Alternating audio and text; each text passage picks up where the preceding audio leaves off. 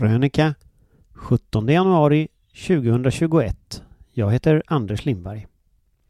Högerpopulister byter järnrör mot offerkofta. När detta väl är över kommer ingen erkänna sin del i det. Vid en låg stenmur på ett fält i Pennsylvania står en sällsam staty av en soldat. Han bär säckiga byxor och midjekort jacka kopierade från ett legendariskt krigarfolk i norra Afrika kallade suaver. Soldatens ammunition är slut och han håller sitt gevär som en klubba över huvudet. För knappt 160 år sedan, den 3 juli 1863, stod ett av de viktigaste slagen i USAs historia precis här. Slaget vid Gettysburg. Monumentet har rests till minne av 72 frivilliga infanteriregementet från Pennsylvania. Ett av de förband som slog tillbaka den så kallade Pickets stormning. Attacken var den sista desperata försöket från sydstatsgeneralen Robert E. Lee för att knäcka nordstaternas linje. Det misslyckades, men inte förrän hans soldater kommit in en bra bit på andra sidan stenmuren. Platsen kallas idag för The High Watermark of the Confederacy eller sydstaternas högvattenmärke. De skulle aldrig komma så nära seger i det amerikanska inbördeskriget igen. Och två år senare kapitulerade Robert E. Lee vid Appomattox Courthouse i Virginia. Om man så vill är belägringen av Kapitolium dagens symboliska motsvarighet. Trumpismens högvattenmärke. Denna gång stod ingen armé i vit maktrörelsens väg utan män som Eugene Goodman från Maryland polisen som ensam lurade iväg mobben utanför senatens kammare så att flera senatorer hann fly och Brian Sicknick som slogs ihjäl av Trumps anhängare, sannolikt med en brandsläckare.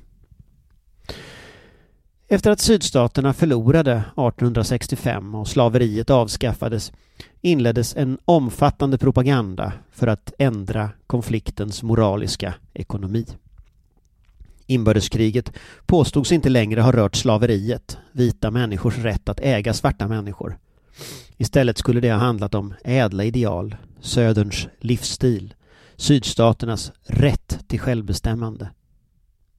Abraham Lincolns seger beskrevs som resultatet av ett fult spel och Robert E. Lee som världshistoriens största general.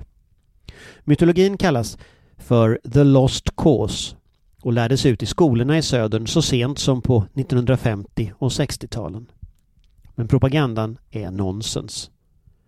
Söderns uppror handlade om att bevara den vita rasens makt. Som dess vicepresident Alexander Stevens själv konstaterade i sitt berömda Cornerstone speech när sydstaterna förklarade sig självständiga 1861. Citat. Dess hörnsten vilar på den stora sanningen att negern inte är lika med den vite man. Att slaveri, underordning inför den överlägsna rasen är hans naturliga och normala tillstånd. Denna, vår nya regering, är den första i världshistorien som bygger på denna stora fysiska, filosofiska och moraliska sanning. Slutcitat. En liknande historieförfalskning, som The Lost Cause, har redan inletts om stormningen av Kapitolium. Den som lyssnade på debatten i representanthuset i torsdags om riksrättsåtalet mot Trump fick höra att stormningen av Kapitolium beror på polarisering och därmed att båda sidor är lika skyldiga.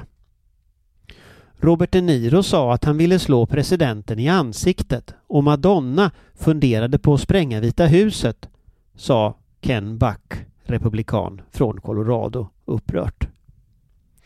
Detta retoriska grepp kallas What about ism? På svenska har översättningen Men då du teknik föreslagits. Ursprungligen kom var det leninisternas favorittrick. Alla som någon gång diskuterat med en tvättäkta kommunist vet vad jag pratar om. När man kritiserade Sovjet för invasioner som Tjeckoslovakien, Ungern och Afghanistan var argumentet alltid ”men Vietnam då?” eller ”men kolonialismen då?” och så vidare. whataboutismens kärna är att jämföra med allt möjligt annat och därmed slippa ansvaret för sina egna handlingar. Alla är egentligen lika goda kålsupare. Idag har högern tagit av över Lenins retorik. Vänstern polariserar, alltså är vänstern själva skyldiga. Men du då?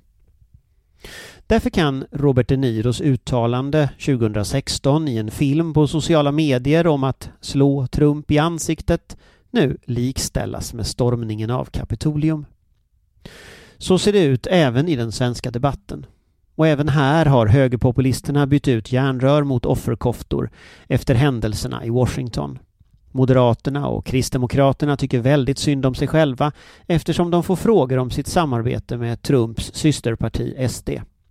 Och trots att partiet öppet stöder Trump är det på något sätt också synd om SD. När vänstern kräver svar är det att polarisera, får vi höra. Men alla är inte lika goda kålsupare. Det är bara den ena sidan som har våldskapitalet att storma kongressen. Och som gjorde det. I Sverige är det likadant. Den högerextrema nätrörelsen hotar, skrämmer och tystar folk. Genom nätverk av hemsidor och Facebookgrupper sprids samma lögner och konspirationsteorier som i USA. Samma revanschlusta mot eliten och samma gränslösa hat. Vi vet hur det gick i Amerika.